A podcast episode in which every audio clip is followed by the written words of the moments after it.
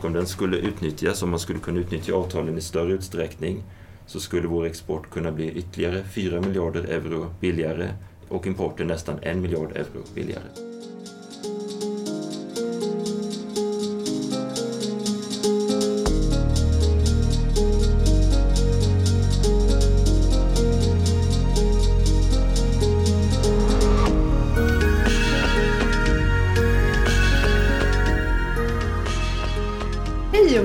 Utrikeshandelspodden, en samtalspodd från Kommerskollegium, Sveriges myndighet för utrikeshandel, EUs inre marknad och handelspolitik. Jag heter Alexandra Hernadi och är kommunikationsansvarig här på Kommerskollegium. I den här poddserien vrider vi och vänder på de frågor som vi arbetar med här. Vi pratar om vad vi gör, hur vi gör det och ganska mycket om varför i relation till omvärlden, globaliseringen, digitaliseringen och allt annat som händer just nu. Idag ska vi prata om frihandelsavtal.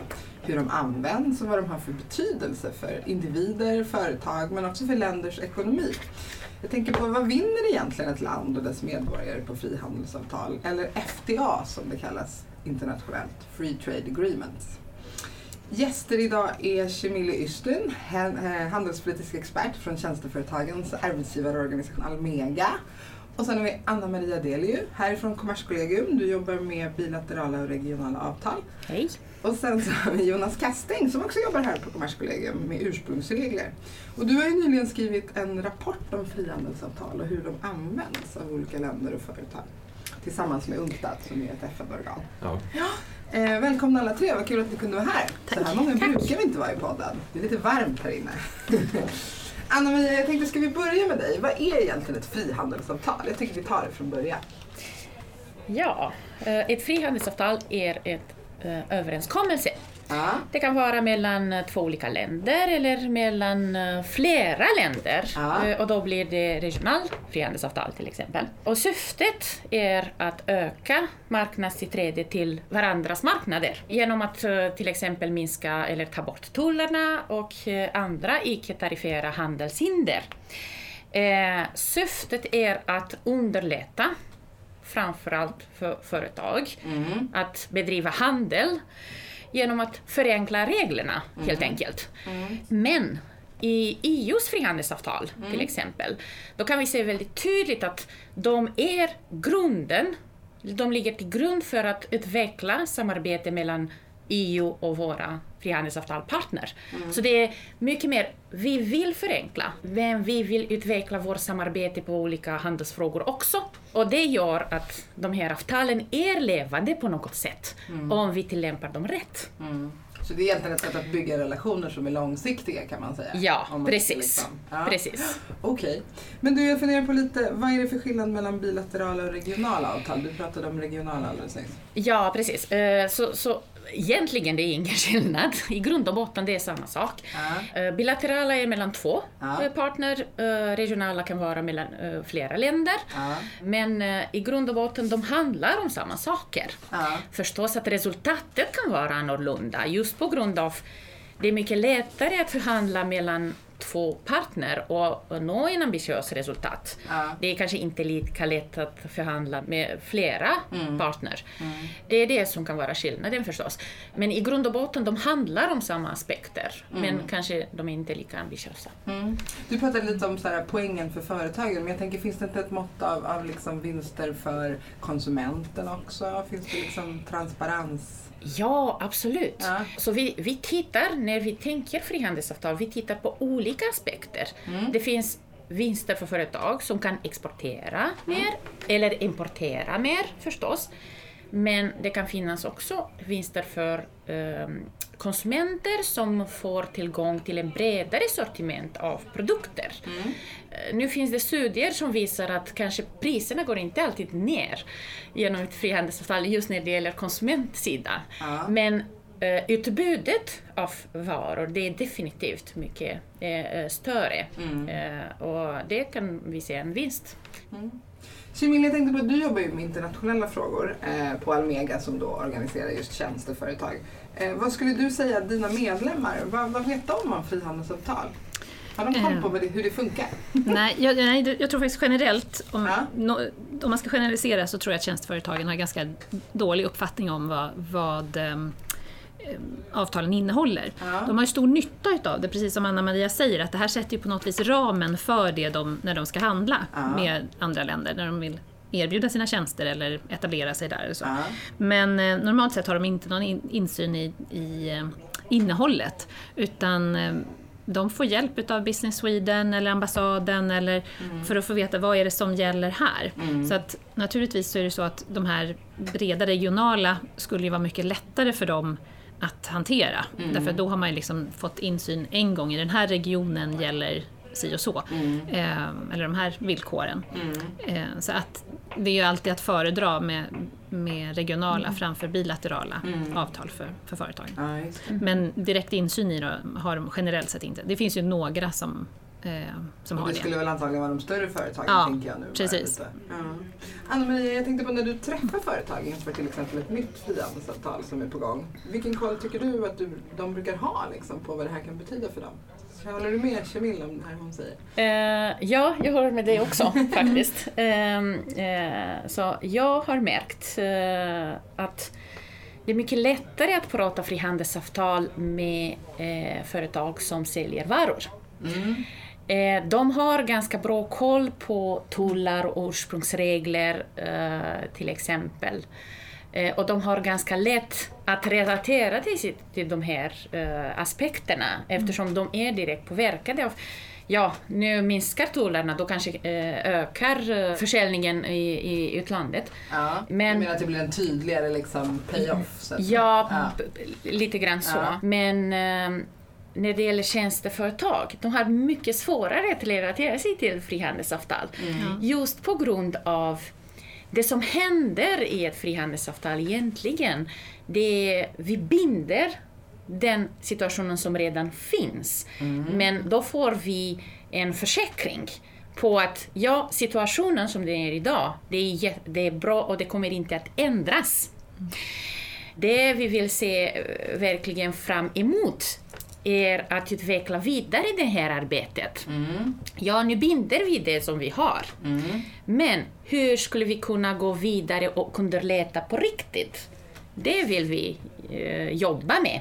Och där behöver vi ganska mycket hjälp från företagssidan med att förklara för oss vilka problem finns på andra sidan i våra eh, partnerländer.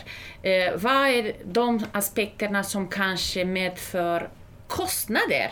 Eftersom det är mycket lättare för företag att förstå den här kostnadssidan än att om, jag går ut och frågar okej, vilka handelshinder ni eh, upplever i andra länder, då får jag nästan aldrig, nej men det finns inga handelshinder. Företagen har väldigt svårt att förstå vårt språk på Ja. något sätt. Och då försöker du prata, ja, men när ni exporterar eller när ni importerar, vilka kostnader finns som skulle kunna faktiskt minskas? Eh, hur mycket dokumentation ni behöver eh, fylla i, till exempel, för att kunna eh, utföra ett export. Det är väldigt viktigt. Eh, och sen just när det gäller tjänsteföretag, det är väldigt svårt på grund av vi pratar om regelverk på andra sidan, i ett annat land. Och det är mycket svårare att påverka den biten. Det är väldigt viktigt med input från företag som skulle kunna peka på, nej men vad tycker vi att det är jobbigt? när vi investerar i ett är annat land eller när vi försöker vara verksamma i ett annat land. Vad, vad är svårt? Är det jättemånga krav eller är det processer som inte fungerar, som är jobbiga? Till exempel efter, precis efter att CETA uh, trätt i kraft, Handelsavtalet frihandelsavtalet med Kanada, Ja. mellan EU och. Kanada. Ja, jag fick en fråga från ett företag som pekade på att jo, det är mycket transparens i Kanada kring vad måste ett företag göra för att kunna skicka sin personal där. Men det är så himla jobbigt att få fram ett arbetstillstånd. Okej. Det är mycket dokumentation som man måste lämna in och så vidare. Det är inte, tra- det är inte, det är inte så att det saknas transparens, men det är en väldigt jobbig process. Det är en lång process. Och det vill de se gärna, att det blir lättare till exempel. Det. Ett tydligt exempel på ungefär vad du får höra från företag. Ja, Ja. en sån sak hörde jag eh, från, från företag. Och sen när vi pratar om koll. Precis som jag sa i början, företag har ganska bra koll på tullar och ursprungsregler på grund av att de har jobbat jättemånga år med dem. Men de har kanske mindre koll på alla andra delar av ett frihandelsavtal. Och frihandelsavtal nu för tiden är jättekomplexa dokument eh, där många handelsfrågor eh, berörs. Och jag kan nämna till exempel, det finns ett område som heter tekniska handelshinder, som egentligen betyder regler, eh, krav som våra produkter måste uppfylla på andra marknader för att kunna säljas på de För godkända marknaderna. För att- Ja. ja, precis. De här är väldigt viktiga. Mm. Lika viktiga som tullar på grund av att de medför jättestora kostnader för företag Mm. som kanske måste testa sina produkter två gånger för att kunna sälja på andra marknader och så vidare. Mm. Just den biten har företagen kanske mindre koll på. Mm. Och där har vi en ganska stor uppgift med att försöka förklara. Eh, och också för dem att försöka förstå att det är väldigt viktigt med att komma tillbaka med eh, feedback eh, till oss och, och, eh, för att säga hur det funkar i praktiken. Um, Vad säger du Shuin? Känner du igen det här? Ja, delvis. Alltså, Ja. Dels lite det som, man, som jag också hör Anna-Maria bekräftar lite det som företagen säger till mig. Att, Ja. att eh, handelsavtalen är liksom riggade för varor och eh, tillverkningsindustri. Så att säga. Och det är det precis som du säger, kontrollera varor och så vidare. Medan tjänstehandel handlar ju väldigt mycket om att möta en kunds behov. Man hittar en kund som man tänker, den här skulle jag kunna hjälpa. Alltså man, man måste vända på det istället för att tänka att jag har en produkt som jag kan sälja. Så är det liksom, vilket Behöver man behov se behoven? Ja, precis. Vilka behov har, har de? Så det är därför det blir en helt annan situation. Och det är också samma då när, när, man, när de får frågorna, när det kommer inför eh, frihandelsavtalen, när de får frågor om det här så, så kan Ja. de inte riktigt relatera till dem. Därför att det, är så här, det här är frågor som inte berör oss. Ja, det. Ehm, Så det som jag har hört i alla fall, att där företagen tycker att det har varit mest intressant och mest framgångsrikt, det är när det har varit en intervjusituation. Ja. Att de liksom, man kanske har den här enkäten men sitter och pratar med företaget och, och diskuterar varför ser frågan ut på det här viset och varför och hur är er syn på det så att de verkligen kan få laborera omkring svaret, och, eller Ja. utveckla svaret.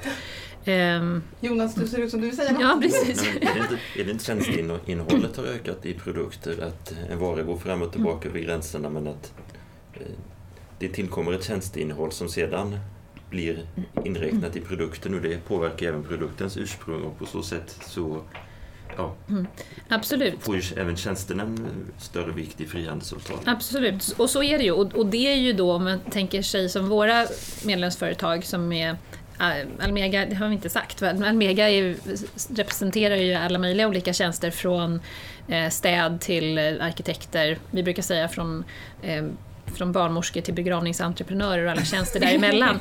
Men så länge det, man har sett som tjänster som någonting separat, då har det inte funnits ett intresse. Men nu med tjänstifieringen utav eh, industrin så ser vi ju att det är många andra som också ser behovet. Alltså just precis som du säger, att det blir intimt sammankopplat.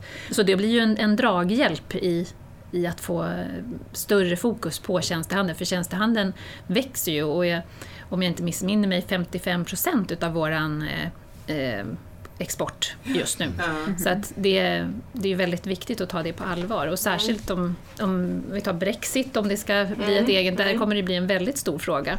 Och där är ju våra medlemmar då intresserade av att sitta i en, alltså en diskussion men, men kanske inte få en enkät därför att den blir så svår att förhålla sig till när frågan är, kan vara fel ställd. Det kanske, det kanske är en liten sak som borde rättas till. Och, och, Det är eh, intressant. ja. Jag tänker på, vi gjorde en företagsundersökning för drygt två år sedan tror jag här på Kommerskollegium som ju visade att företagen var ganska dåliga på att utnyttja frihandelsavtal. Men, och då tror, liksom, landade vi någonstans i att mycket av det byggde nog just precis på det du egentligen beskriver, brist på information. Och att man kanske också är som företagare mer intresserad av det som påverkar en här och nu. Man har kanske inte incitament för att titta extremt långt framåt. Men nu har vi precis kommit med en ny rapport här eh, från Kommerskollegium och UNCTAD, FNs handelsorgan, som visar att frihandelsavtalen ändå används. Så Jonas, du har ju varit med och skrivit den här. Vad är det egentligen ni har kollat på? Jo, då, då har vi tittat på eh, varuhandeln och naturligtvis så ingår det även tjänster i den men eh, som sagt det är ju varor som man tittat på eftersom det är ett frihandelsavtal innebär ju att eh, tullar sänks eller tas bort. Och vår rapport visar att EUs frihandelsavtal används av både EUs exportörer och av exportörer i våra partnerländer. Men man kan säga att relativt sett så används frihandelsavtalen i störst utsträckning av partnerländernas exportörer eh, till 90 procent av 100 procent möjliga sett till värde. Men eh, i det sammanhanget är det också viktigt att påpeka att eh, partnerländernas export är ju EUs import. Mm. Och att det är ju någonting som vi här i EU efterfrågar eftersom vi importerar produkterna, både konsumenter och företag. Och ser man då till EUs exportörer så utnyttjar de avtalen i något lägre utsträckning, ungefär ja, man kan säga ungefär 70 procent sett till värde. Men eh, räknas Turkiet bort, Turkiet är ju en tullunion och inte riktigt ett frihandelsavtal, vi hade ändå med Turkiet i utredningen, mm. så utnyttjas EUs frihandelsavtal bara till 60 procent. Mm. Men eh, det är naturligtvis viktigt att se inom vilka avtal problemen finns och inom vilka produktområden. Men sammantaget kan man ju säga att det här visar att EUs frihandelsavtal snarare är importavtal än exportavtal det är det som men, dominerar. Det är det som dominerar. Men eh, samtidigt så kan ju de här importerade produkterna ändå utgöra insatsvaror i produkter som EUs företag sedan exporterar och som gör dem mer konkurrenskraftiga så man kan mm. inte bara se på nettoflödena. Mm.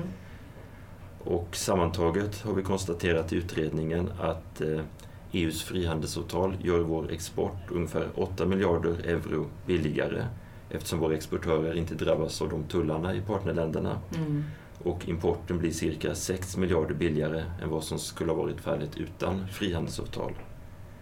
Och det här är i generella drag. Man kan säga att i absoluta tal så utnyttjas avtalen mer av EU än av partnerländerna. Även om partnerländerna utnyttjar dem relativt sett mer så utnyttjar EU sett i euro, i kronor och ören, mer än partnerländerna. 30 miljarder euro mer.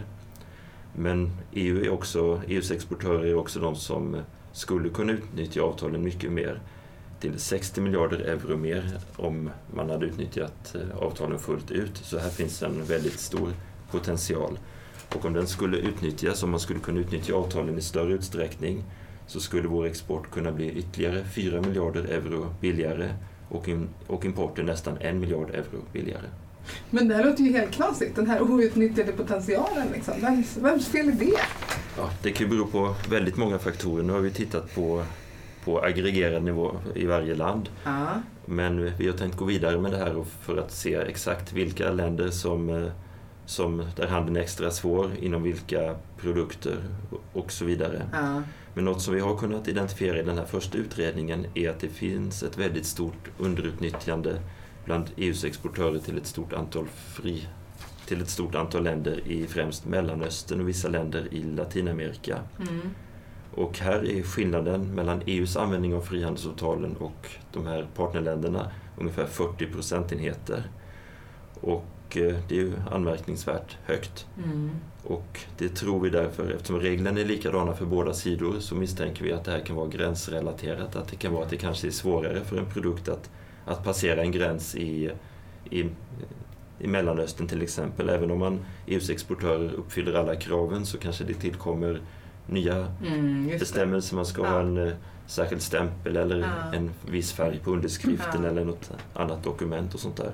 Antingen är det okunskap eller medvetet, det är svårt att avgöra. Man kan ju konstatera att tullintäkterna i, i de här länderna är ju något viktigare för deras ekonomier än vad det är för EUs ekonomi. Men Samtidigt så vet vi inte om det är det här det beror på. Just det, det är en intressant aspekt. Ja. Mm. Och ja, En annan sak som också kan påverka användandet är ju storleken på företag som vi varit inne på. Ja.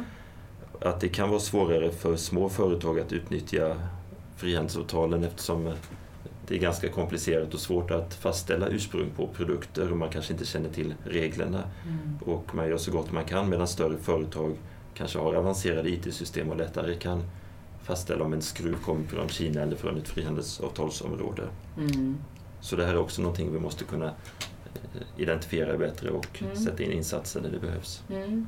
Kan man ta reda på det? Kommer vi undersöka det? Det är, en, det är tanken att vi, vi ska försöka identifiera om eh, varför det ser ut så här. Ja, och om, om de som ja. använder frihandelsavtal, om det är stora eller små företag ja. och hur vi kan nå ut och om inom vilka produkter Ja. underutnyttjandet är störst. Ja. Cyril, vad säger du om det här? Nej, men jag tror att, eh, som sagt var, som vi började med att säga, att mycket av det har varit väldigt, eh, alltså ur tjänsteföretagsperspektiv Ja. har det varit väldigt varuinriktat. Ja. Alltså det, det som är viktigt för tjänsteföretagen handlar ju mycket om det som du nämnde med personrörlighet. Kan jag flytta min personal dit? Eh, dataflöden Mm. är enormt viktigt. Eh, så att det, man kanske inte ens flyttar personalen. Och, Nej, eh, eh, så att jag tror att det, det är sådana saker som kanske har gjort att man inte har utnyttjat det. Ja. Sen så naturligtvis också okunskap om vad det innehåller. Så att, eh, Mm. Jag kan tänka mig att just Jonas utredning det handlar om varor. det är mycket precis. svårare faktiskt att eh, gå tillbaka och titta på tjänstehandel och se, är det, eh, ökar till exempel på grund av att vi har ett frihandelsavtal? Jo, eller är det på andra grunder? Det är mycket svårare att analysera generellt sett tjänstehandel. Eh, men eh, jag tror att vi behöver titta närmare på det. Ja. Just, på, just på grund av det, det har blivit så himla viktigt. Ehm, och- men vi tittar mycket just i den här relationen med varuhandel. Ja. Eh, och bara för att eh, lägga till en sak till, eh, relaterat till vad Jonas sa. Mm. Eh, att frihandelsavtalen i grund och botten handlar väldigt mycket om transparens. Och det är just den här tanken med att små och med, medelstora företag har inte tillräckligt med kunskap och inte med resurser för att hålla koll på allt möjligt som händer i världen. Eh, så minst att eh, frihandelsavtalen hjälper till med att öka transparens, att veta vilka regler gäller på andra sidan. Mm. Och det är en av de sakerna som är väldigt viktiga eh, när, när det gäller eh, frihandelsavtalen. Eh, och sen ju- just det här skillnaden mellan långsiktigt och kortsiktigt. Så du frågade mig om vad, vad vet företagen om frihandelsavtalen? Och jag konstaterar att många företag vet det här kortsiktiga att ja, nu kommer nolltullar och jag måste uppfylla ursprungsreglerna. ja. Men frihandelsavtalet är långsiktiga på allt annat. Ja. Typ hållbarhetsfrågor som ingår i frihandelsavtal nu för tiden. Mm. Det hjälper för att få ett bättre eh, miljö eh, på andra sidan Mm. i våra länder och kanske förbättra även vår egen här hemma. Mm. Eh, och det kommer att hjälpa till att stödja eh, eh, utveckling av handel, Mm. men på långt sikt. Det är samma sak när det gäller handelsprocedurer till exempel. Alla procedurer som man möter när man exporterar och de procedurerna vid gränserna heter handels- handelsprocedurer.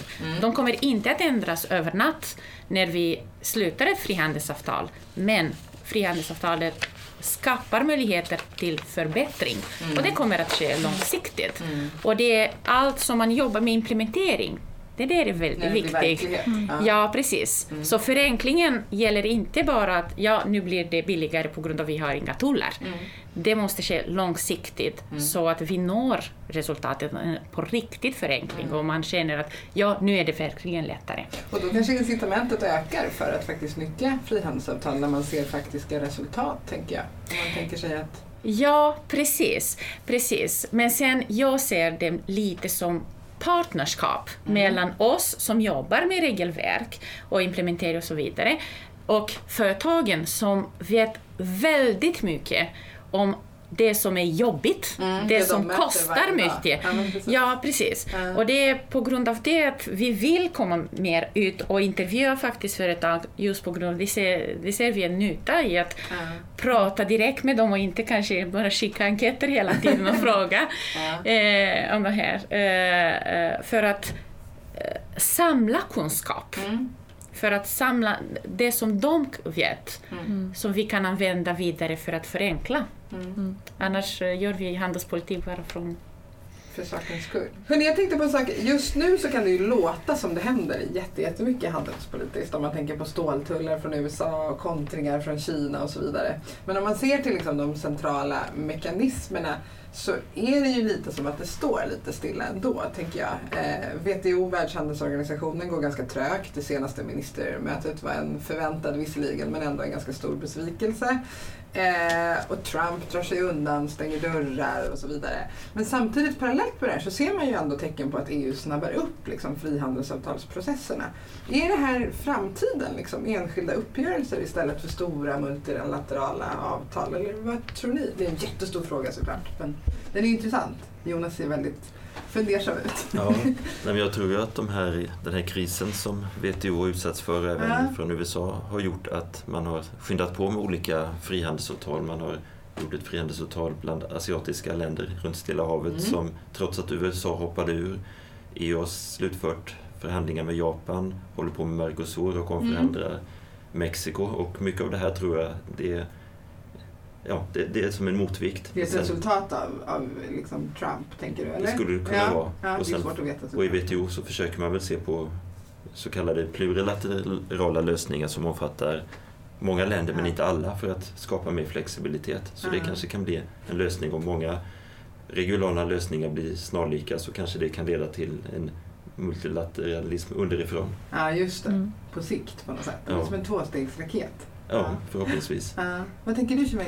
Ja, nej, men jag tror, så som Jonas säger, att det var ehm, nej, men att det, det kan vara en möjlighet att man har mindre regionala. Eh, avtal. Så, och så ser man framgången med dem och, och eh, kan utvidga det. Jag, jag tänker att EU själv är ju ett sådant exempel. Nu är det mycket bredare än ett frihandelsavtal, Ja. men ändå. Så absolut. Anna Maria? Ja, Stor eh, fråga. stor, stor fråga. Ja. Eh, Okej, i och för sig, nu jobbar jag med frihandelsavtal. Ja. Jag skulle kunna säga att det är bra, men egentligen det är inte bra på grund av... Ja, vi, vi sätter på plats så många olika regelverk. Oavsett hur mycket EU försöker göra avtalen så lika som möjligt. Ja. Vi förhandlar med någon, med något Mm. Det finns en motpart. motpart. Ja, precis. Det finns ett motpart. Vi är inte ensamma i det här. Och då kan vi inte kräva hela tiden att alla följer det vi vill. Ja. Och då blir det, de här avtalen blir olika. Det blir och sen, väldigt brokigt. Ja, och sen det blir väldigt svårt för företag att hålla koll Mm. på allt. Just på grund av att de är olika. Även ursprungsreglerna är olika. Även om vi tar bort tullarna. Ursprungsreglerna fortfarande är, är olika. Mm. Så som jag ser det, det är kanske inte lösningen. Eh, men det är lösningen för nu. Just i det här, eh, de här tiderna, det är när WTO är, det är så himla svårt att nå konsensus i WTO. Även för plurilaterala avtal det är väldigt svårt. USA är en väldigt viktig partner. Här lägger de på is, som nu till exempel, det händer ingenting. TISA går ingenstans, avtalet för, tjänste, för tjänstehandel. Avtalet eh, för miljövaror, den går ingenstans heller. Just på grund av USA är väldigt viktigt i de här sammanhangen. Eh, Ja, då blir det frihandelsavtal som ett alternativ som man har för att gå vidare och försöka fördjupa våra relationer. Och sen är det precis som Jonas säger, jag drömmer fortfarande att hålla koll lite grann på vad som händer på, på andras frihandelsavtal och se, finns någonting som är gemensamt, som är mer än WTO idag, för att kunna gå vidare på multilateral nivå? Eftersom den är perfekt. Den är det som, som gör livet enklare för företagen. Det ska vara samma, samma regler som, som vi känner till och vi förhåller oss till, till dem. Men just i den här situationen idag, det är väldigt svårt. Ja. Då blir det Ja. frihandelsavtal som är en naturlig lösning om vi vill gå vidare. Ja, just det. Ja, hörni, det känns lite som att vi kommer att återkomma till den här frågan flera gånger. Tack så jättemycket för att ni var här med all er kunskap och bidrag till diskussionen. Så mycket. Varsågod. Tack. Tack.